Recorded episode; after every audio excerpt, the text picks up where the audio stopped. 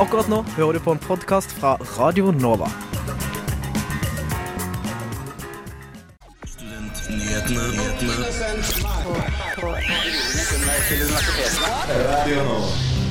I dag skal vi snakke om at studentparlamentet ved Oslo Met har fått en ny leder.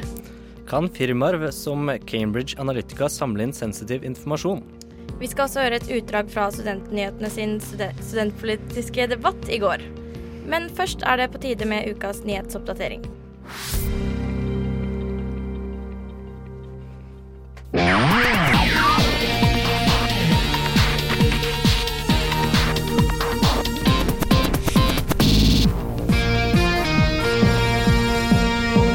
Universitetene i Oslo og Bergen fikk avslag fra Kunnskapsdepartementet på deres søknad om å kvotere inn menn på psykologistudiet. Over 80% av søkerne på et studieprogram må være av samme kjønn for at Kunnskapsdepartementet skal godkjenne kjønnskvotering. Universitetene får derimot støtte fra Norsk studentorganisasjon, som mener at eh, kvoteordninger og tilleggspoeng bør kunne tas i bruk for å sikre et bredt mangfold. I dag er nesten 76% av psykologistudenter kvinner, og universitetene ønsker derfor flere mannlige psykologistudenter. Nord universitet legger ned deres journalistikklinje, i det minste for studieåret 2018-19. Årsaken er stor nedgang i antall søkere. Utdanningen har opplevd synkende søkertall og lav eh, gjennomføringsgrad over flere år, melder Medier24. Mediefagene generelt opplever nedgang i antall søkere, på tross at det i år er rekordmange søkere på høyere utdanning. Dette skyldes flere, flere grunner, men hovedsakelig at fremtidens journalister oftere velger andre utdanninger, sier Audhild Rotevatn, dek dekan ved Høgskolen i Volda. Kristen Andreas Wroldsen fra Grønn liste er førstemann som stiller som leder av studentparlamentet ved Universitetet i Oslo. Dette offentliggjorde han på emneknaggen på Radio Nova torsdag. Dette får vi høre mer om i sendingen. Dette var ukens nyhetsoppdatering. Mitt navn er Håkon Christoffersen.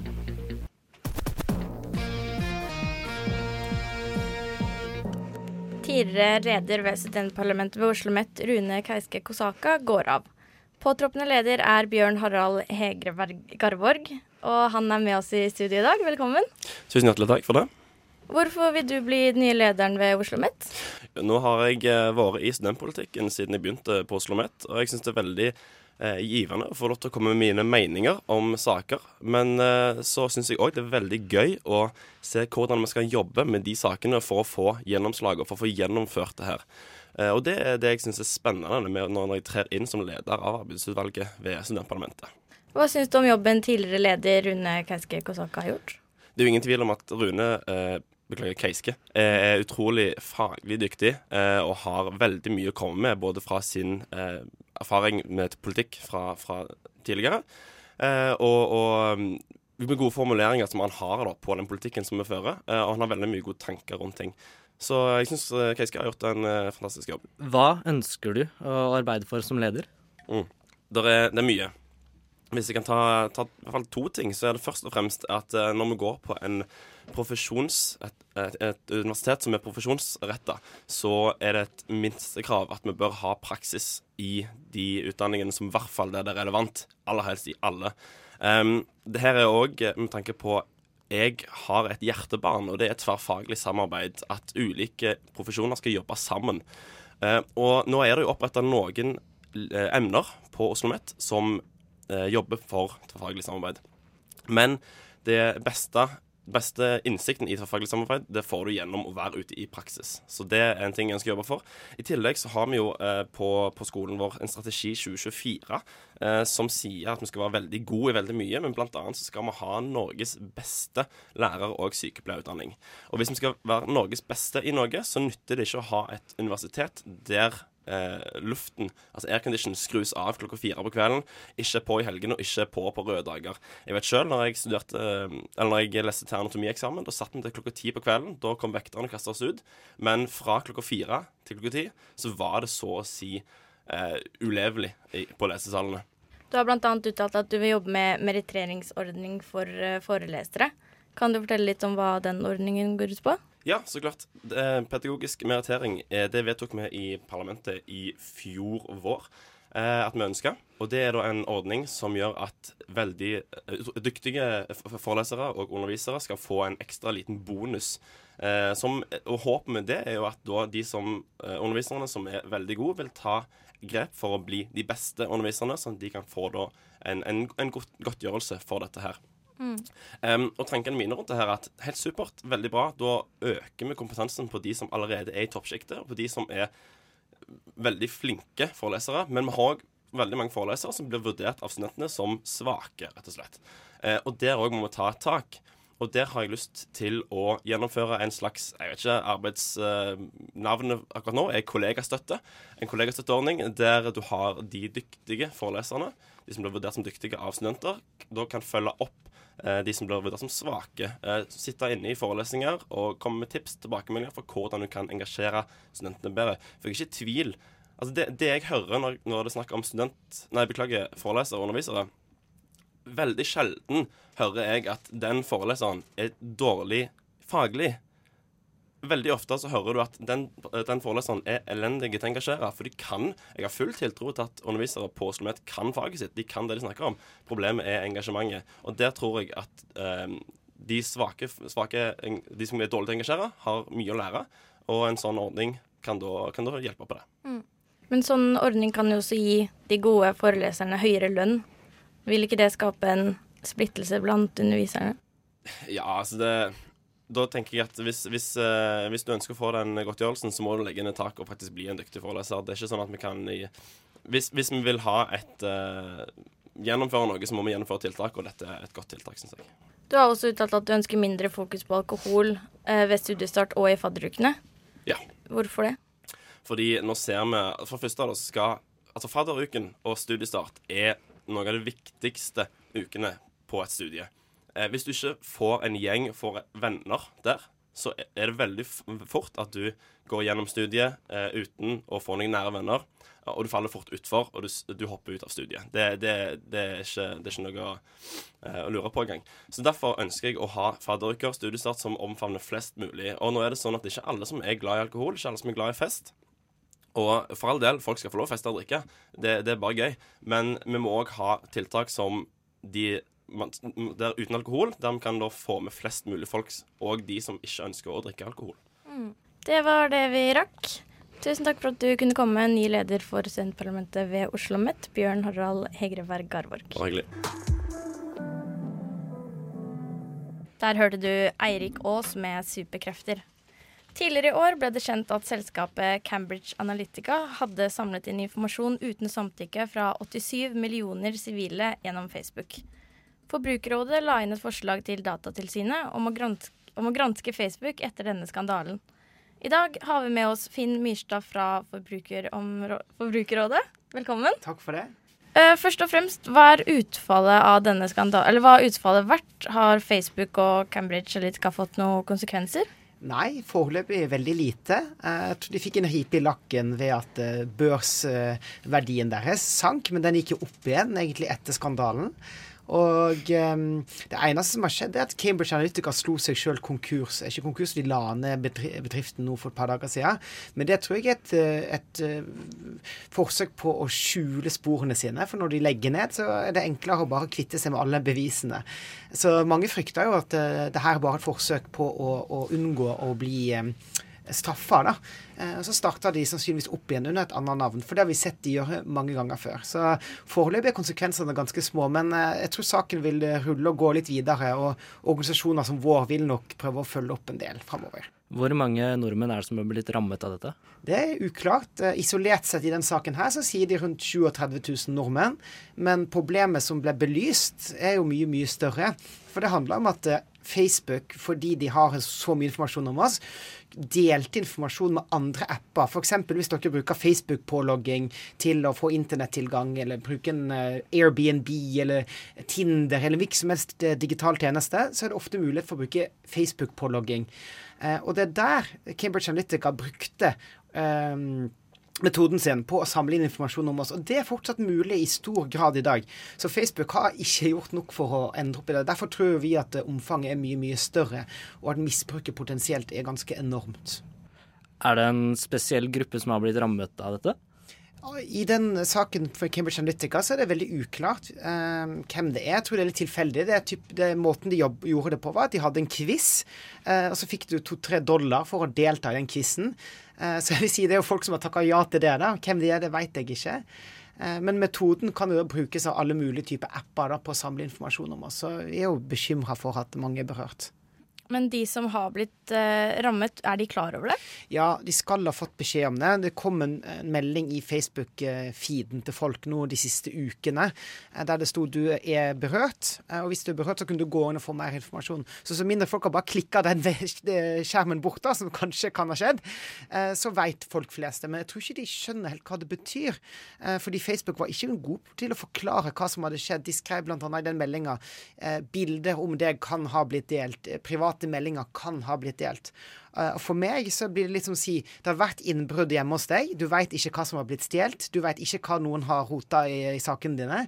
Og det er egentlig en ganske uggen følelse. Så hadde det vært meg som ble berørt i den saken, så hadde jeg vært ganske sinna på Facebook, for de informerte ikke på noen god måte. Nei, hva gjør man da, hvis man har blitt berørt av det her?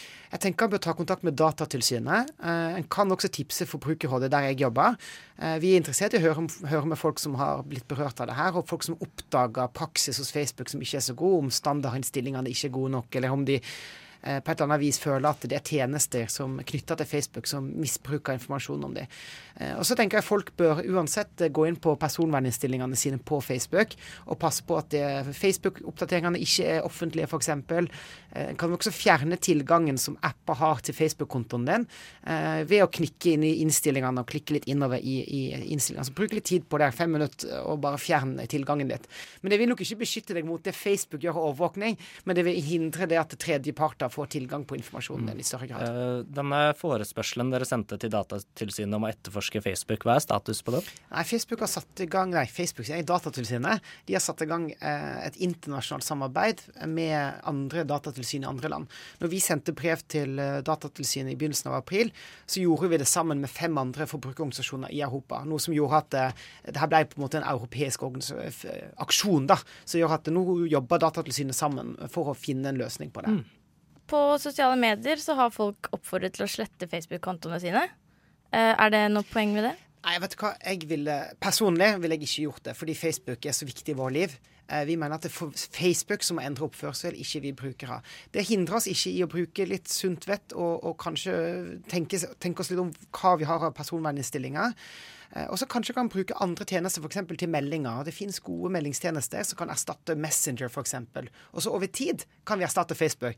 Men eh, hvis en kutter det i dag, så er det nok rett føles som vi kuttes ut av samfunnet. En får ikke informasjon og nyheter og kontakt med venner og familie. Så det er nok et ganske drastisk skritt. Mm. Eh, takk til deg, Finn Myrstad fra Forbrukerrådet. I går eh, åpnet studentvalget 2018, eh, og vi i Studentnyhetene holdt studentpolitisk debatt på Fredrikkeplassen på UiO. Resten av sendingen så skal du få høre, duelle, høre dueller ledet av Martin Mathisen Oding og Johanne Sumstad Artvedt. I studio i dag var meg, Selma Hellstrøm. Og Håkon Christoffersen. Tekniker var Magnus Tune, og du kan høre podkastene våre på iTunes, Soundcloud eller på radionova.no. Resten av sendingen så får du høre da debatten fra Fredrikkeplassen. Først ut i kamp er gjestelista, representert av Øyvind Nordmann, som skal utfordre Grønn listes Andreas Wroldsen. Velkommen. Velkommen, velkommen. Ja, dere i Grønn liste vil jo gjøre det sånn at UiO skal kutte alle bånd til oljesektoren. Eh, hvilke bånd er det snakk om, og hvorfor?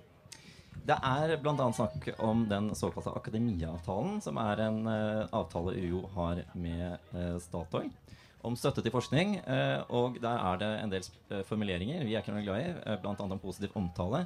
Den blir nå heldigvis reforhandlet, og det er vi veldig glad for. Um, ellers så handler det også om at UiO har hatt store investeringer i fossil energi. Det har vi heldigvis fått gjennomslag for. At de skal trekke det ut. Det holder de også nå på med. Eh, generelt så mener vi at de skal vri eh, fokuset vekk fra så, eh, studier innenfor fossil energi til omstilling. Har gjestelista noen perspektiver på oljesektoren eh, da? Altså Vi syns jo miljøtiltak er vel og bra, uh, og det skal det ikke stå på. Men jeg tenker en sånn generell uh, greie uh, mot ja, all tilknytning til oljesektoren. F.eks. Statoil, som gjør et veldig viktig arbeid på bl.a. fornybar energi også. Altså, det kreves forskning der òg, og Statoil gjør en iherdig innsats, bygger masse. Er det ensidig negativt? Nei, og det er eh, det som er eh, poenget vårt. Vi ønsker at eh, Altså vi sier ikke at vi ikke kan samarbeide med Statoil, som nå skal bli Equinor. Da håper vi at de kan vise at det ikke bare er en grønnvasking av uh, selskapet, uh, det navneskiftet, men at de faktisk viser at de fokuserer på fornybar energi og omstilling. Hvis Statoil har lyst til å gi UiO penger for å forske på eh, fornybar energi, så er det helt supert. Og det er akkurat det vi vil. Vi vil at det skal vris mot omstilling og eh, den type forskning, i stedet for at det skal brukes til eh, petroleum, og spesielt hvis det er klausuler om positivt omtale. Så dere vil jo på en måte samarbeide i tillegg, men akademiavtalen skal kuttes for det? Vi vil at avtalen i hvert fall skal endres, så det ikke er en eh, slags hemmelig eh, avtale hvor UiO pålegges å omtale f.eks. Statoil eh, og eh, petroleumsindustrien positivt. Det, det går jo ikke an. Altså, en, da kjøper du forskning, og det mener vi er helt feil. Men selvfølgelig, hvis det som omtales som oljesektoren, men som sagt nå bytter jo Statoil land. de skal jo fremstå i hvert fall som et eh, energiselskap og ikke som et oljeselskap, så håper vi de beviser at de er det. Tilsvar fra gjestelista her. Ja, eh, Det er vel og bra at man ønsker å på altså Det er litt distansert fra studentene også, dette her, tenker jeg. Så jeg har lyst til å spørre om et litt mer konkret eh, klimatiltak. Dere vil at UiO skal redusere energiforbruket sitt. Eh, så lurer jeg på Ofte, i hvert fall på SV, av erfaring, så vet jeg at der stenger de av luftanlegget f.eks. klokka fem. Noe som er utrolig negativt for studentenes arbeidsmiljø, egentlig. Og det er jo gjerne der UiO har en tendens til å kutte. Når de skal spare på strøm, når de skal gjøre energitiltak, så stenger de ved arbeidstidens slutt. Og det gjelder jo da professorer, men ikke studentene. Eh, har dere noen konkrete forslag til hvordan man skal redusere, redusere energiforbruket til, eh, til universitetet? Ja, dette er jo, altså, Det er klart vi må veie hensyn opp mot hverandre. Eh, studenter skal ha dørluft, det er klart det. Eh, men eh, nei, vi må se på eh, alle forskjellige tiltak. Vi, altså, dette med energireduksjon handler jo også om at vi bygger riktig. Eh, det er jo noe av det viktigste. sånn at Hver gang UiO bygger nye bygg, så må vi sørge for at de bygger etter høyeste miljøstandard. Og når de pusser opp bygg, så må det også være høyeste miljøstandard, slik at ikke energi slipper ut av byggene. Så det er også store tiltak som har veldig mye å si. Eh, Så må vi selvfølgelig se nøyere på disse tiltakene du snakker om, eh, om det er hensiktsmessig. Eh, Grønn liste ønsker også en forbedring av SIO sine kantiner. Eh, hva er det snakk om, og konkret, hvordan er det dere skal gjøre det? Eh, Grønn liste ønsker bedre, billigere og bærekraftig mat i alle UiOs kantiner. Ikke nødvendigvis bare SIO. Vi har sagt at eh, SIO-monopolet det kan vi diskutere eh, hvis en åpning for eh, eh, andre aktører vil gjøre tjenestene bedre. Konkrete tiltak hvordan vi skal få til det. Eh, I dag Gjestelista, hva tenker dere? Nei, altså Vi er jo helt enig i det at uh, man, må, man må få litt bedre tilbud for studentene. Og Vi er jo f.eks. for å ha food trucks her ute på Fredrikkeplassen, sånn at studentene kan gå ut, nyte fint vær, få seg litt god mat. Og på den saken om SIO-monopolet så er vi på studentenes side. Vi driter i på en måte hvilken side uh, av eh, det, Altså hvem som, er for, hvem som er mot SIO-monopolet, og hvem som er for. Det driter vi litt i. Uh, studentene er det viktigste. Så jeg bare lurer på har du noen konkrete tiltak til annet, annet godt tilbud SIO kan tilby? Ja, altså Det er vi helt enig i. Vi er ikke noe imot food. Eh, vi sier også at uh, dette SIO-monopolet er ikke så viktig for oss heller, fordi det viktigste er tilbudet til studentene. Men for å forbedre kantinene mener vi f.eks. at uh, man burde ha et prisdifferensiert system. Sånn at i kantina i dag så betaler du akkurat like mye for brokkoli som biff i CEO-kantina Bare for å sette det litt på spissen. Um, vi mener at En veldig enkel ting du kan gjøre, er å få et system hvor du betaler mindre. F.eks. hvis du bare spiser grønnsaker. Det vil gjøre at det blir mer miljøvennlig. I tillegg så blir det billigere å spise for studentene. For i dag er det altfor dyrt. Tusen takk, Andreas Wroldsen fra Grønn liste og Øyvind Nordmann fra Gjestelista. Det var det. Supert. Følg med videre. Debatten fortsetter. Og nå har vi fått med oss nye gjester. Fra Venstrealliansen har vi Erlend Ditlevsen. Og fra Blå liste har vi Mathias Oppdal Weseth. Velkommen til oss. Takk, takk. Eh, og det er Venstrealliansen som skal ut i ilden. Og dere vil ikke avskaffe SIO-monopolet, men heller forbedre tilbudet. Det stemmer. Eh, hva, hvordan vil det skje i praksis når vi nå har erfart at vi ikke får innsyn i SIOs eh, budsjett, eller hvordan driften er der? Det er å kjempe enda mer i velferdstinget og gjøre en enda bedre jobb opp mot SIO. Um, det å vise at eh, vi faktisk har noe å si, og det å vise at vi får fram stemmen vår og løfte den opp mot SIO. Vi må bare stille strengere krav. Hvordan har vi sett det? Hvordan vi har sett det? Vi har jo sett det Oi, nå flyr ting her. Vi har, eh, en gang til spørsmålet. Hvordan har vi sett at eh, vi studenter kan påvirke SIO? Det har vi sett i en, en lang kamp vi har gjort lenge med opp mot velferdstinget. Nei, og opp mot SIO. Så direkte Nå har ikke jeg sittet så sykt mye i velferdstinget, for jeg har sittet mest i studentparlamentet. Men eh, Venstrealliansen mener at hvis vi kutter de her banene da vi har opp mot SIO, så taper vi ekstremt mye makt. Og da har vi i hvert fall ingen Blå liste, hva tenker dere om dette? Nei, altså Jeg har sett litt på eh, de sakene til eh, Venstrealliansen her, og en av de tingene de ønsker å gjøre, det er å kutte i lederlønningene til eh, de SIO-lederne. Eh, og det er egentlig sosialpolitikk på sitt aller verste, istedenfor å sette inn tiltak som faktisk gir høyere kvalitet, samtidig som de gir lavere priser på kafeer, så ønsker Venstrealliansen altså å kutte i lederlønningene, som kun gir minimalt eh, eh, kompensasjon på eh, prisene. Vi i Blå liste vi mener at det er mer eh, ambisiøst å heller oppheve hele SIO-monopolet, eh, slik at vi blir kvitt en ekstremt dyr kaféordning som eh, ikke serverer det studentene faktisk ønsker. Erlend? Her ser vi et, et, et stort problem med blå politikk. Eh, hvis du da kutter ut hele SIO-monopolet og tilbyr inn Starbucks, som jeg vet ikke hva du Vet du prisen på en kaffe på Starbucks? Det er i hvert fall dyrere enn en kaffe på SIO. Eh, og Nå blåser ting Det blåser. blå- blåser. Men vi kjører på. Ja, altså, Argumentet om at det blir dyrere eh, ved å avskaffe SIO-monopolet, det er litt som å pi- putte en pinne i panna på en ponni og kalle det for en enhjørning. Det er jo helt tull. Eh, selvfølgelig kommer det ikke masse restauranter og kafeer her på UiO som eh, tilbyr dyre matvarer. De må jo tilpasse seg det markedet som er her, og det vil si at de tilbyr eh, lave priser på god og sunn mat. Eh, og så eh, er det helt greit om det, opp, eh, om det etableres en eh, sushiforretning som kanskje tar litt dyrere priser, men so be it. Om man ønsker sushi klokken eh, tre på en fredag for å kose seg litt, så får det være greit, men jeg tror det likevel kommer til å føre til at det blir mange fine kafeer med lavere priser. Og hvordan skal da Blå liste ha kontroll over at det her vil skje? At det er billige kjeder som kommer inn, som blir å servere billig mat?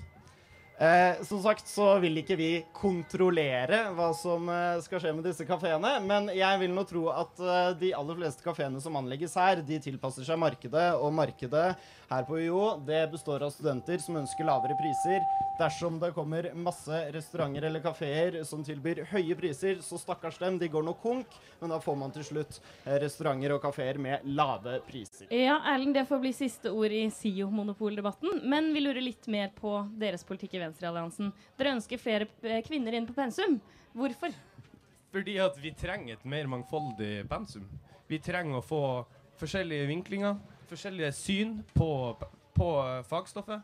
Og jeg ser ingen grunner til at det ikke burde være flere kvinner på pensum. Blå liste, noen grunner? Nei, altså Selv syns jeg det er mange fag som bør endres. Blant annet så ville jo vi i Blå liste eh, modernisere X-Fill. Men jeg syns det likevel går grenser for studentpolitikk. Og den grensen går der hvor man skal begynne å rette pekefingeren mot professor og fagutvalg og detaljstyre eksakt hvilke forfattere som skal stå på pensumlista. I stedet for å begynne å kvotere inn kvinnelige forfattere på pensumlista, så syns jeg man heller kan sette inn tiltak som løfter dem opp. Det å detaljstyre er det ikke noe vi gjør. Vi oppfordrer Universitetet i Oslo til å ha flere kvinner på pensum for å få et mer mangfoldig pensum. Det er en norm som har vært i alle år i akademia, at hvite menn på 50-60 år som har sittet i sin behagelige skinnstol, har fått Siste korte ord til deg, Mathias. Nå løper tiden fra oss. Ja, jeg syns det er fint at dere ønsker å løfte fram flere kvinnelige eh, professorer og forfattere på pensumlista, men istedenfor å eh, begynne å kvotere dem inn Emneknaggen. Og det koker godt her i det politiske teltet, og vi er klare for neste utfordrer, nemlig Realistlista. Her representert av Kari Anne Andersen, som skal utfordre den lista som vil ha vinmonopol og engangsdispensere på Blindern. Gjestelista representert av Tonje Stensland Holt. Velkommen. Takk, takk. Og da skal nå gjestelista ut eh, i ilden for dere ja, som nevnt tidligere, ønsker vinmonopol eh, og food trucks på Blindern. Hvordan ville dette fungert i praksis? Det ville fungert akkurat sånn som Men hvordan får vi det inn? Da må vi jobbe for det. Jeg tror at vi har potensial til å jobbe for det fordi vi, kan, vi bør ikke undervurdere oss selv. Og studentparlamentet kan jobbe for mye. Og hvis vi kan få til resirkulering, så kan vi sikkert få til dette også. Er det realistisk, Karianne? Eh, nei, det vil jeg kanskje ikke si. Eh, nå vet vi jo at Blindern er omtrent omringet av pol. Du har både Nordpolet på Ullevål, Sydpolet på Majorstua og Vestpolet på Vinneren. Så jeg skjønner ikke helt at Vinmonopolet skal gidde å etablere et nytt pol på Blindern. Hva tenker gjestelista om det? Hvordan skal vi overtale Vinmonopolet? Det bør ikke være verdens største vinmonopol. Det fins uh, vinmonopol rundt om i hele landet som er ganske små, og jeg tror eh, det kunne vært eh, en god omsetning for dem å være her. Og hvis du syns at det ikke er den mest realistiske saken vår, så brenner vi også for andre ting som vi også kan klare å gjennomføre. Andre ting som For eksempel så har vi Altså, vi vil ha døgnåpne lesesaler, Olafjellklinikk osv. osv. Jeg har også hørt at dere er litt imot ubekvem studietid. Eh, men gjestelista har faktisk andre liste her oppe på Fredrikplassen, så dere sover ikke så lenge. Nei, vi eh, legger en innsats i det, selv om det kanskje ikke alle tror det. Men ubekvem studietid, er det da eh, tidlige F.eks. tidlige forelesninger, f.eks. eksamen eh, etter helligdager, og f.eks. prøve å få mer og, eh, flere forelesninger jevnt over, og ikke én hver dag. Karianne? Eh, jeg skjønner at det er kjipt å stå opp klokka åtte, men av og til må man faktisk det. Eh, for eksempel hvis man har felt eller lab. Eh, jeg kan fortelle deg at det tar seks timer å dekomponere mel i syre. Og jeg har ikke lyst til å stå her til etter klokka seks på lab.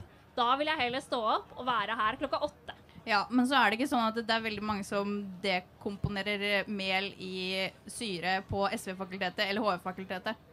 Nei, det stemmer. Men allikevel har vi begrenset kapasitet på undervisningslokaler.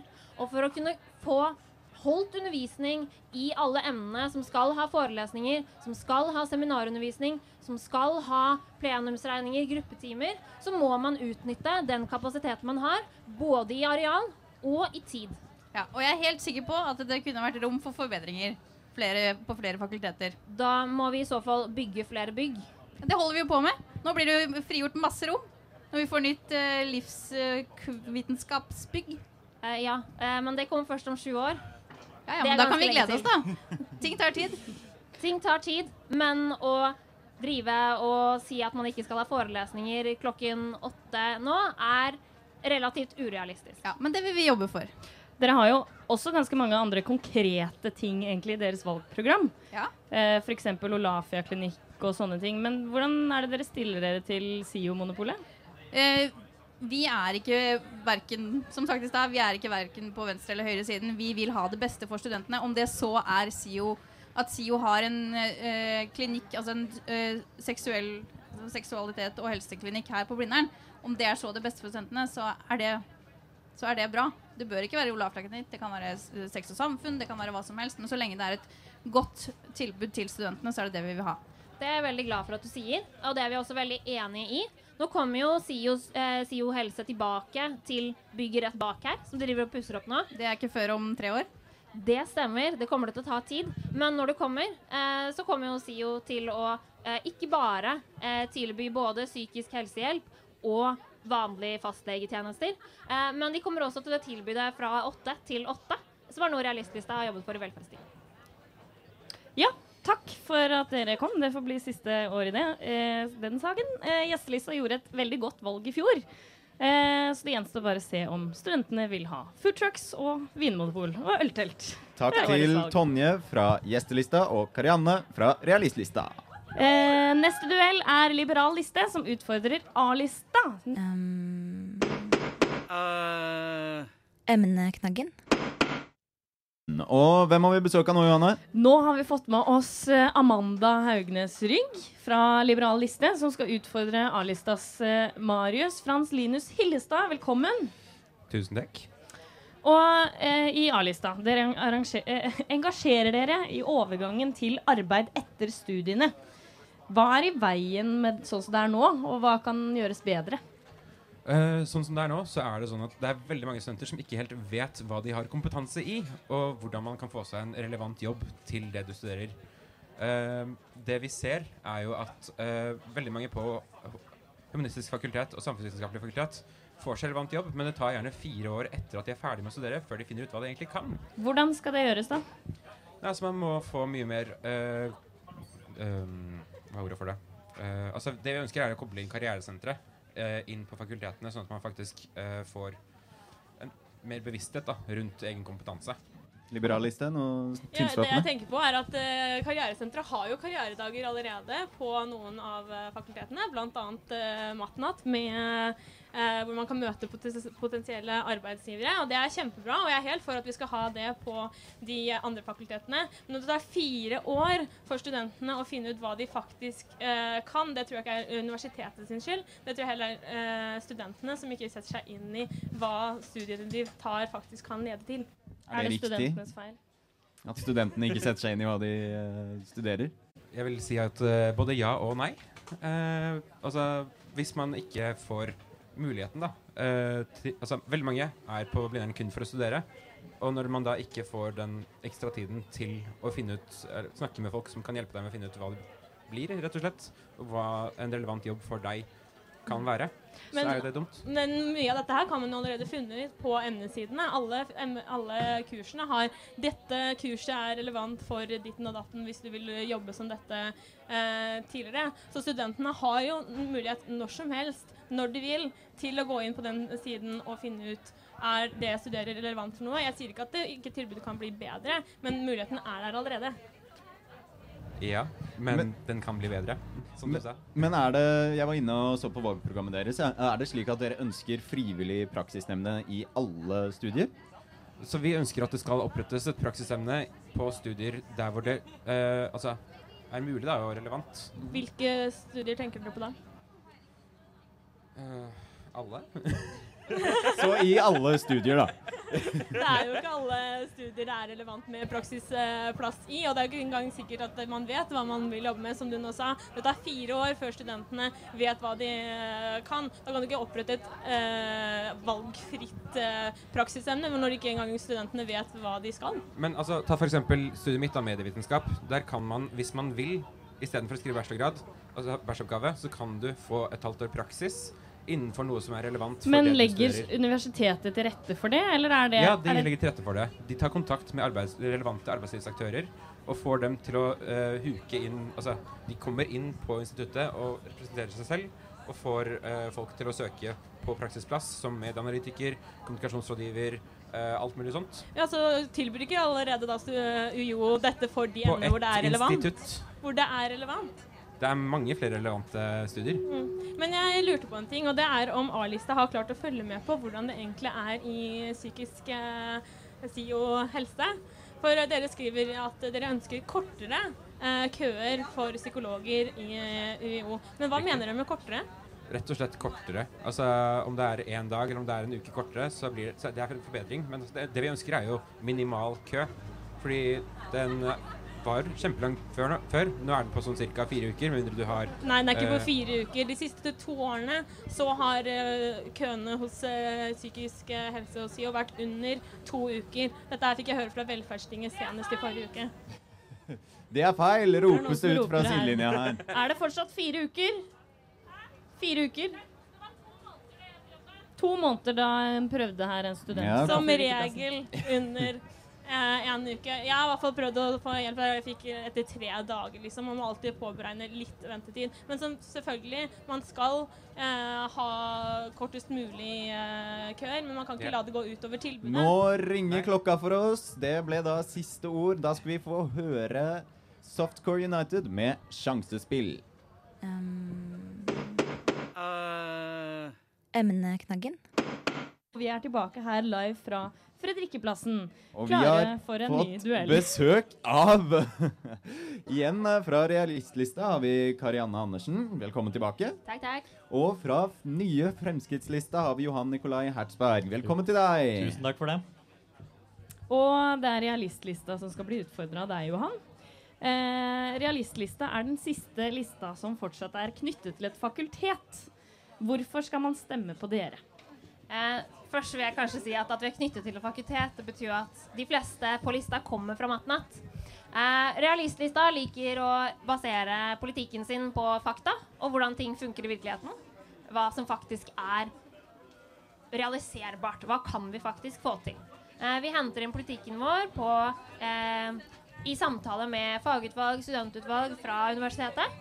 Eh, så vi liker å tro at vi har aktuelle saker som kommer fra grasrota og opp. Johan, er det noen saker du vil utfordre Karianne på? Ja, eller jeg vil jo si at Realistlista er jo egentlig et symbol på alt som er galt ved studentparlamentet, så vi kan jo ta de tre fanesakene deres og se om noen er uenig i det. De krever en opprydning i digital eksamen, de er alle enig i. De ønsker feltpraksis i tråd med grassprinsippet nå, det er alle enig i. Og de ønsker konkrete tiltak for et hyggelig levende campus, det er alle enig i. Så realistlista de står for saker som absolutt alle er enig i. Og de sakene de trekker frem som er konkrete som de ønsker, det er heller ikke noe studentparlamentet kan få gjennomslag for. Så realistlista, dere er nok et symbol på en liste som ikke kommer til å få gjennomslag for noe som helst, som dere ikke har fått gjennomslag tidligere. Så det her det viser én ting, det er at vi skal legge ned studentparlamentet. Eh, her har jo eh, representanten fra Fremskrittslista helt feil, faktisk. Eh, realistlista kan vise til mange gjennomslag tidligere. F.eks. kildesortering. Den hadde kommet uansett, for det er det Stortinget som har bestemt. Spennende. Vi fremmet det første gang i 2014. Jobbet for det i 2015 og 2016. Nå er det på plass. Stortinget Eh, vi har ville ha det tidligere. Vi har også jobbet for at SIO psykisk helse skulle f.eks. kurses av Rosa kompetanse. Gjennomført. Hadde aldri skjedd om ikke realistlista fremmes i Velferdstinget. Det er fortsatt UiO og et styre gjennom bl.a. Stortinget som bestemmer dette. Virkelig ikke. Rosa kompetanse er en kompetansegruppe drevet av FRI. Det at de har kurset SIO psykisk helsepersonell, hele SIOs helsepersonell, både psykisk helse og helse, hadde aldri skjedd om ikke arbeidsutvalget hadde gjort det på oppfordring av realistlista. Nei, jo mer jeg hører på deg, jo mer overbevist jeg blir om at vi skal legge ned studentparlamentet. For hva er det vi egentlig driver med her? Jo, vi står på en tom plass i et regnvær i en valgkamp som er midt i eksamensperioden, for å prøve å oppfordre studenter som ikke engang gidder å bry seg og engasjere seg. I et studentparlament, ikke avbryt. I et studentparlament som har null innflytelse, og som kun klarer å ta ut 1,5 millioner kroner i lønninger hvert eneste år. Og du klarer kun å trekke frem en sak som hadde blitt innført uansett som grunnlag for at man får gjennomslag. Nei, vet du hva? Skal legge ned studentparlamentet og fjerne det her. Realistlista. Eh, vi har fått gjennomslag for flere ting. F.eks. kjønnsnøytrale toaletter. Det hadde, Hadde også blitt aldri gjennomført uansett. kommet om ikke studentene hadde engasjert seg. Stortinget Heidi Bang i universitetsstyret banket gjennom det. Eh, Stortinget ønsket det uansett. nei, det har kommet fra universitetsstyret, gjennom studentrepresentanten, gjennom forslag fra studentparlamentet. Her har Fremskrittspartiet feil. Hele argumentasjonen deres for å legge ned studentparlamentet bygger på faktafeil etter faktafeil etter faktafeil etter faktafeil. Nei, jeg, jeg skjønner godt jeg er realistliste at du blir sur når jeg har lyst til å ta fra dere lønningene. Og jeg skjønner godt jeg, dere har lyst til å tjene 25 000 kroner i måneden på å sitte i studentparlamentet. Jeg skjønner godt jeg, at du har lyst på penger for å sitte i studentparlamentet, men vet du hva? Man kan helt fint stå for politikk, man kan helt fint fremme politikk uten å ta betalt for det. Siste ord her fra realistlista. De som sitter i studentparlamentet, får ikke betalt. Ja, de som det. sitter i arbeidsutvalget, sitter på fulltid. Hvordan skal de kunne sitte på fulltid dersom de ikke honoreres? Det går ikke. De Da ringer klokka for oss. Til tross for regn og litt kjølig uh, temperatur, så ble det fortsatt hett i teltet. Vi uh, snakkes straks. Og Nå har vi en ny duell her. Ja, det har vi, vet du. er eh, blå liste som skal utfordres av A-listene. Så nå er eh, dere tilbake her i vårt politiske blå telt. Eh, Mathias og Marius? Ja. Eh, og blå liste. Dere vil avvikle SIO-monopolet og la aktører konkurrere på like vilkår. Hvordan vil dere gjøre det? Nei, altså Sånn det er i dag, så har eh, SIO verken eh, leie eller moms som de betaler av sin uh, restaurantvirksomhet her på campus. Når prisen er så høy og kvaliteten så lav, så er tiden overmodd for å eh, slippe campus fri. Lar man vanlige selskaper og engasjerte gründere etablere seg på campus, så kan vi få et langt bedre og billigere tilbud på mat og drikke. Enten det er å stikke innom en, eh, en sunn sandwichsjappe for å raske med seg noe å bite i etter forelesning, eller sette seg ned klokken 15.00 og spise en velfortjent sushi etter siste innlevering av semestergapet. Eh, det er uansett noe som kun kan bli virkelighet ved å slippe SIO-monopolet helt fritt. A-lista. Altså, det er jo sånn, nå er det jo sånn at det er ikke et reelt monopol. Det er ikke et monopol. Du har bunnpris, du har wax on, wax off, du har mange andre aktører enn bare SIO. Og jeg er helt enig i at eh, kvaliteten på maten og prisen kan bli bedre, men jeg mener ikke at å slippe til kapitalismens krefter er det riktige. Men så har jo bunnpris og wax on, wax off Det er på en måte de to eneste som har vært her hele tiden. Eh, det er det eneste argumentet på en måte til at det er noe annet enn SIO. Hvordan vil det fungere i praksis å fjerne SIO-monopolet blå liste? Veldig lett. Man eh, lar eh, SIO eh, sine kafeer slutte å få fritak fra eh, moms, eh, og så får man se hvordan de klarer å drifte seg selv da. Om det blir like god kvalitet. Vi tror det heller vil la andre og bedre aktører slippe til på disse stedene. Dere vil også at X-Fill skal moderniseres. Men dere vil ikke ha flere kvinner inn på pensum. Hvordan skal det moderniseres da? Eh, vi ønsker ikke å detaljstyre hva som skal stå på pensum, eh, men det er slik i dag at mange opplever X-Fill som både irrelevant og demotiverende. Og faget det gaper over et altfor stort pensum. Alt fra antikkens filosofi til moderne fysikk skal pugges. Og jeg syns det er veldig synd at man har et så demotiverende fag på Universitetet i Oslo, når man ser at bachelorstudentene at det er mange av dem som dropper ut. Eh, da syns jeg at man eh, i det minste kan kreve at X-Fill moderniseres, og hvordan dette skal gjøres på, eh, hvilken måte det skal gjøres på, det er opp til våre flinke professorer og fagutvalg å gjøre, men vi skal ikke drive og detaljstyre hvem som skal inn på A-lista. sånn. Hvis du dropper ut fordi du sliter litt med etikk og filosofi, da er kanskje ikke universitetet noe for deg. Uh, uansett så ble X-Fill revidert i fjor. Eh, eh, så det har blitt bedre. Det har blitt lettere. Det har blitt mye lettere. Eh, det er, du lærer noe nå. Før så måtte du ta en multiple choice-prøve eh, og skrive en oppgave på syv sider, tror jeg det var. Blå liste. Ja, det tenker du snakker om nå, det er seminarvarianten. Og har man noensinne tatt seminarvarianten av X-Fill, så tror jeg man ville forstått at det ikke er så bra som det ser ut. Årsaken til at det er flere som får høyere karakter her, det kan jo bl.a. være at man har en eh, eh, enkel hjemmeeksamen med full tilgang på internett. Man kan til og med sitte med andre studenter og gjøre den eksamen, eksamen sammen. Har man tatt eh, seminarvarianten, så vil man også se at frafallet etter de fem første obligatoriske oppmøtene den er ganske høy, så jeg tror ikke det engasjerer noe bedre. Jeg syns man heller skal modernisere hele faget, slik at den kan bli mer motiverende for de studentene som går her Men på hvordan skal det gjøres uten at, å detaljstyre? Ja, hvordan skal du gjøre det? Nei, altså, eh, Det å detaljstyre, det jeg mener med det, det er å sette opp eh, hvilke spesifikke eh, filosofer som skal stå på den pensumlista. Men jeg syns det da er bedre at man Nei, jeg syns det er bedre at man da heller slipper til eh, eh, filosofer som kanskje er mer relevant for det studiet man tar. Tar man f.eks. en bachelor i fysikk, så syns jeg det er bedre at man da eh, får eh, filosofer eh, på, det, på den pensumlista som nettopp handler om de utfordringene man møter på gjennom fysikkens vitenskap, og også når man skal ut i arbeidslivet en dag. Så fysikk og filosofi er det samme? Nei, det er ikke det samme, men jeg, det er mange filosofer som eh, drøfter problemstillinger innenfor fysikk, f.eks. For forskning på eh, atom, eh, atomkraft. Eh, for eksempel. Men én ting jeg har lyst til å si, det er at eh, A-lista og, eh, og blå liste Vi er jo egentlig enige om ganske mange ting. Dere vil jo også gjøre ting, eh, fagene mer relevant for oss, så hvorfor kan ikke dere da slenge dere på eh, eh, oppgaven med å modernisere X-Fill? Fordi vi gjorde det i fjor. Og dere kan gjøre det igjen også. Da ringer klokka for oss den nå, og Tusen takk til blå liste. Mathias Oppdal Veseth og A-lista Marius Frans Linus Hillestad. Du lytter til Radio Nova.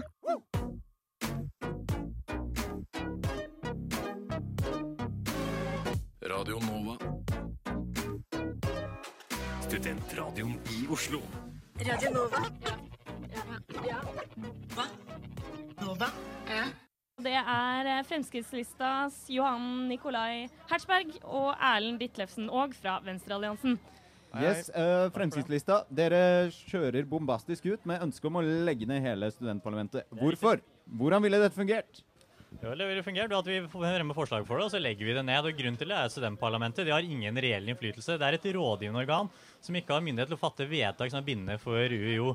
Og det eneste studentparlamentet faktisk har myndighet til, det er å ta ut halvannen mil i lønninger hvert eneste år. Så de som sitter i arbeidsutvalget til studentparlamentet, de får 25 000 kroner i måneden. Og man kan gjerne drive med studentpolitikk, og man kan gjerne synse. Mange mener at jeg synser, men jeg får ikke en krone for det.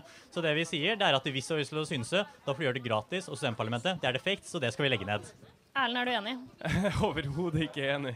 Jeg tror eh, alle Du kan gå til eh, Svein Støren og høre hvilken rolle studentparlamentet og AU og leder Jens Lægreid har å spille opp mot eh, styret univers ved Universitetet i Oslo.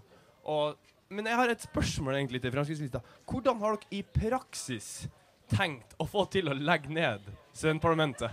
Nei, det har jeg allerede svart på ved at vi fremmer forslag om det, som da blir stemt over. Så det er det, det, er det minste problemet. Det som er et større problem derimot, det er jo dobbeltmoralen til Venstrealliansen. Her siterer jeg fra deres eget valgprogram. Venstrealliansen vil senke lederlønnen i SIU og gi fortjeneste bak studentene. Så de som tjener penger i SIU, jo, de skal dere stanse. Dere skal fjerne lønningene deres. Men de som sitter i arbeidsutvalget i parlamentet, halvannen mil, jo, de skal vi ikke ta fra lønningene. Så her, det er dobbeltmoralisme. Og i hvert fall, vi i Fremskrittspartiet er i hvert fall ærlige på det. Vi skal ta lønnen fra både SIO og studentparlamentet, og vi skal legge det ned. Venstrealliansen. Yes. Her tror jeg én ting er verdt å få eh, fram og klart. Um, lønningen til SIO-direktørene er på et helt annet nivå enn lønningen til de som sitter i arbeidsutvalget. Lønningen til de som sitter i arbeidsutvalget er akkurat sånn at det går rundt. De jobber iherdig og gjør en fantastisk innsats for studentparlamentet. Og den syns jeg de 25 000 de får i måneden, de skal de få lov til å ha. Eh, spørsmål til fremskrittslista her. Dere ønsker å legge ned det dere kaller ulønnsomme studier. Eh, hva mener dere med dette, og hva skjedde med fritt valg? Ja, vel, Man kan gjerne ta ulønnsomme studier, vil man skal betale for det selv. Men jeg må bare svare på det Venstrealliansen nå nettopp sa. Sier at de jobber fulltid. Ok, Hva er det vi egentlig har fått igjen fra studentparlamentet? Bibliotekene de er ikke døgnåpne. Fakultetene er ikke døgnåpne. Det er ikke fri 18. mai. Det er ikke blitt innført Skybar på Blindern. Og det er fortsatt forelesninger kvart over åtte på morgenen. Studentparlamentet har null innflytelse. Men man kan gjerne fremme sånne forslag. Man har politiske ungdomspartier, som jeg er med i. Vi får ikke en eneste krone for å få gjennom det her. Så man kan gjerne drive og synse, sånn som dere i Venstrealliansen holder på med, men man kan gjøre det gratis. Derfor sier vi ja, vi skal legge ned studentparlamentet. Det har utspilt sin rolle. ja, det, du, du, sier, du sier mye morsomt her. Uh, vi har fått igjen veldig mye. Vi har bysykkelstativ på campus. Vi har kjønnsnøytrale toaletter. Hvis kjønnsnøytrale toaletter er det eneste du klarer å trekke frem av relevans i parlamentet, jo, da blir jeg bare mer og mer overbevist. Vi må legge det ned. Men hvordan skal du få til å få igjen mer politikk om du legger ned parlamentet? Jeg er veldig glad for det spørsmålet. For vi i Fremskrittslisten vi ønsker heller at hvert fakultet skal oppnevne egne studentrepresentanter, sånn som de gjør i dag. Men problemet er at når UiO har en utfordring og en problemstilling, da vet de ikke hvem de skal gå til. Skal de gå til studentparlamentet, eller skal de gå til hvert fakultets representanter? Vi vil ta makten vekk fra studentparlamentet, som ingen stemmer på, som tar lønninger, og gi det til hvert fakultet, til hver student. Så det vi Fremskrittspartiet ønsker å gjøre, det er å gi makten tilbake til studentene, og da må vi legge ned studentparlamentet. Eh, veldig fint at du er her nå, Erlend. fordi i valgprogrammet deres i Fremskrittslisten så står det opp flere ganger 'venstreraddiser'. Hvorfor har dere brukt det ordet her? Hva betyr det? Ja, eller Venstreraddiser er jo noe som står langt til venstre. F.eks. Eh, Venstrealliansen. og De har jo skrevet tidlig at de er radikale. Og Litt av utfordringen, tenker jeg i hvert fall, og det er jo ikke bare med Venstrealliansen, det er de øvrige listene, det er at de står for akkurat samme. Alle vil ha grønnere UiO, alle vil ha mer kildesortering, alle ønsker bedre undervisning, alle ønsker mer podkast. Alle mener det samme. Så for første gang har jo nå studentene faktisk et alternativ å stemme på. Og det er også i Venstrelisten, så vi legger ned stemmeparlamentet. Men bruker dere det fordi det er et nedlatende ord? Nei, Det kan jo noen andre svare på. Jeg syns ikke at det å være venstreraddis er noe negativt nødvendig. Jeg er jo med Fremskrittspartiet. Jeg mener heller ikke at det er noe negativt å være en frepper, som kanskje enkelte vil omtale meg som. Men det jeg tenker er det sentrale her, det er jo ikke om man er en frepper eller om man er en venstreraddis. Det sentrale her det er altså en ikke har noen innflytelse, så derfor vil vi legge det ned. Erlend? Ja, Det som er viktig å se da på de tre hovedsakene Legg ned, legg ned, legg ned. Vi kunne ha tilført en til en som er legg ned Fremskrittslista. Fordi alle de tre sakene han går til kamp på, er tomme saker. Det er saker som ikke kommer til å gå gjennom. Det er saker som er helt unødvendige. Det er saker som du kommer ingen vei. Du blir ikke å greie å legge ned studentparlamentet. Så hvorfor ikke gå inn med politiske saker som faktisk kan gå gjennom? Der løper tiden fra oss. Tusen takk til Fremskrittslista, og tusen takk til Venstrealliansen. Takk for det. Takk, takk. Og duellen fortsetter. Siste duell eh, ut. Det er liberal liste som skal utfordres av grønn liste.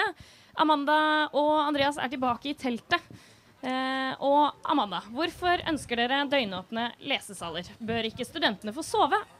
Jo, man skal jo få lov til å sove, men man får lov til å jobbe også. Og sånn det er i dag, så er det mange som må jobbe ved siden av studiene for å få endene til å møtes. Og da mener vi at UiO må legge til rette det for at alle sammen kan få studere akkurat når de vil.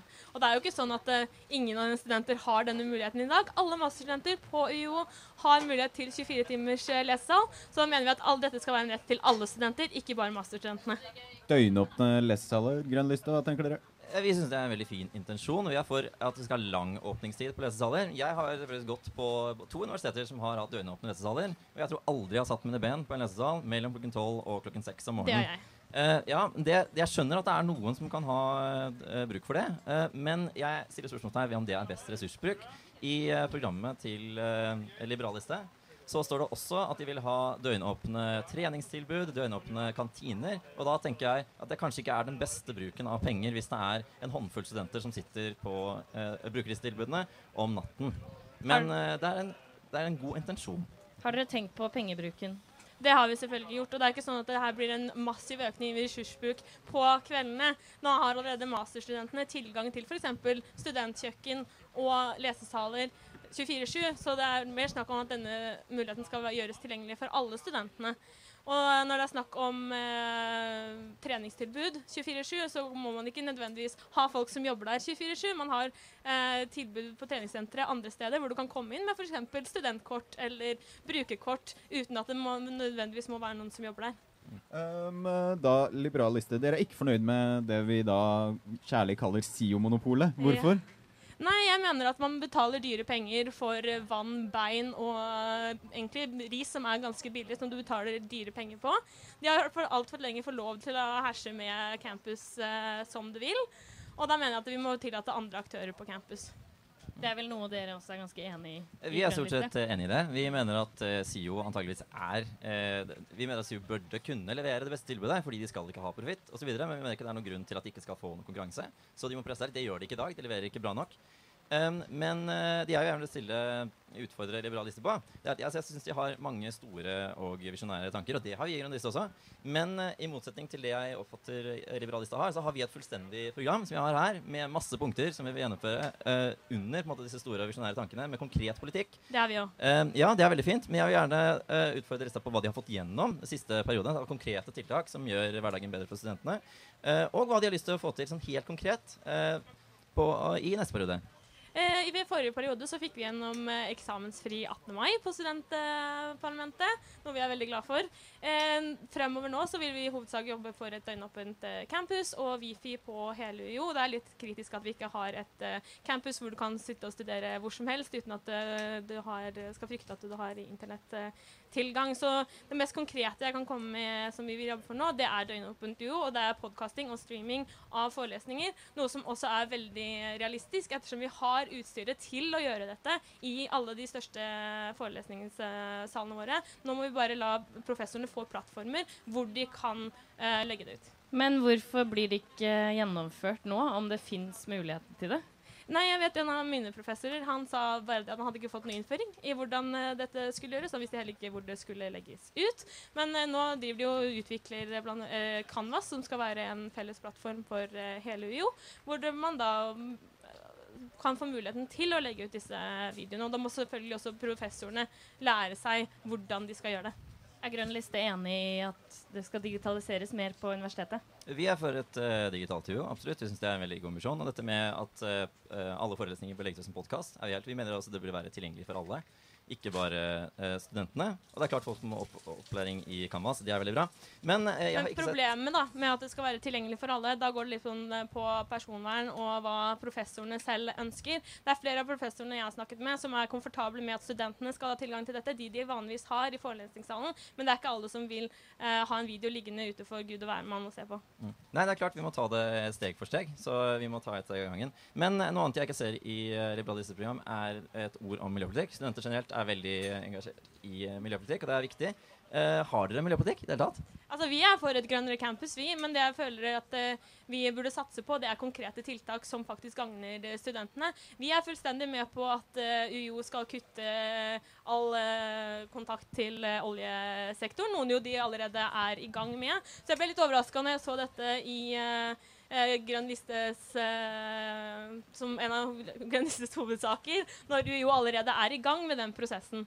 Eh, Og der ringer klokka for oss, og det betyr at nå har vi hatt siste debatt her på Fredrikkeplassen i vårt eh, hyggelige telt som beskytter oss eh, mot regnet. Ja, og vi skal først høre en låt før vi kjører i gang med revolverappell. Um,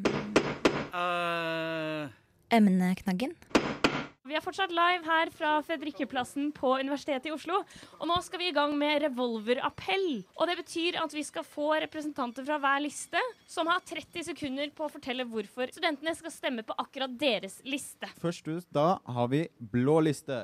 Det er kanskje mange som tenker at valgresultatet for studentparlamentet ikke har så mye å si. At det ikke spiller noen rolle om det er de radikale, de moderate, de blå eller de røde som har flertall. Jeg mener det likevel spiller en rolle hvem som sitter i studentparlamentet. Vår studenthverdag kan bli bedre med mer valgfrihet, fag som engasjerer, en bedre sidefraordning og en mer fleksibel studenthverdag. Skal vi bli virkelig fornøyd, så krever det endring gjennom studentparlamentet. Stem på blå liste. Da har vi fremskrittslista. Takk for det. Det ble sagt at det ikke spiller noen rolle hvem som sitter i studentparlamentet. At det ikke spiller noen rolle hvem man stiller på. Og vet dere hva? Det er helt riktig. Alle de andre listene står for akkurat det samme. Men for første gang så har man et alternativ i studentpolitikken. For første gang har man en alternativ liste som sier det rett ut. Som sier at studentparlamentet ikke har noen gjennomslagskraft. Som ikke har klart å gjennomføre eksamensfri 18. mai. Som ikke har klart å innføre Skybar. For første gang så har man en liste som sier nei til at man har studenter som tar ut 25 000 kroner i måneden i lønninger. Og det er Fremskrittslisten. Stem på Fremskrittslisten. Tusen takk. Da har vi realistlista. Eh, Realistlista er den lista som bygger politikken sin på fakta, statistikk og gjennomførbarhet. Vi har kontakt med studentmassen, tar beslutningene våre på allmøter og nettverksmiddager med fagutvalg og studentutvalg. Vi ønsker en opprydning av digital eksamen. Vi ønsker at du ikke skal bli nesten påkjørt når du prøver å krysse veien på campus. Og vi vil at du skal ta et godt og informert valg når du velger fordypning eller å ta master. Du Nestemann ut er da gjestelista. Vi i Gjestelista vi skal jobbe for studentene. Vi vil at alle skal ha det bra på universitetet, og derfor vil vi jobbe for Skybar, eksamensfri 18. mai, terapihund, Olafia-klinikk, vinmonopol og IT-kurs for undervisere. Pluss masse annet bra. Alt som er gøy, er bra. Stem på gjestelista. Bestelista. Takk, det var det. A-lista, vær så god. Vi vil ha mer arbeidslivsrelevans i studiene. Vi vil ha mer miljøvennlig UiO. Vi vil egentlig ha alt som er bra, og nei til alt som er dårlig. Podkast av forelesninger. Det vil vi ha, for det kan gjøres kjempelett. Tusen takk. A-lista. Da skal vi ha liberal liste. Vær så god. Ønsker du studentrepresentanter som jobber for studentenes frihet, for et døgnåpent universitet, digitalisering av akademia, for at studentene selv skal få bestemme sin studiehverdag, ja, da skal du stemme liberal liste. Vi vil ha et UiO som er åpen 24-7. Et UO UiO hvor studentene kan komme på campus og få dekt sine behov for leseplass, mat og trening, uavhengig om de følger den 9-4-døgnrytmen. Stem liberal liste. Og for å avslutte, Grønn listes Andreas Rolsen, vær så god. Grønn liste stiller til valg for å skape et grønnere og bedre universitet for alle studenter. Vi gjennomfører praktisk politikk som gjør en forskjell i vanlige studenters liv. Vi vil ha bedre, billigere og bærekraftig mat i kantinene. Vi vil ha kortere ventetid på psykologtjenester i SIO. Og vi vil ha et grønnere og bedre campus. Jeg mener vi har bevist at vi kan bruke studentparlamentet til å gjøre en forskjell, og derfor mener jeg at vi skal stemme grønn liste i studentvalget. Til sist vil jeg gjerne Du har hørt en podkast fra Radio Nova. Likte du det du hørte? Du finner flere podkaster i iTunes og på våre hjemmesider radionova.no.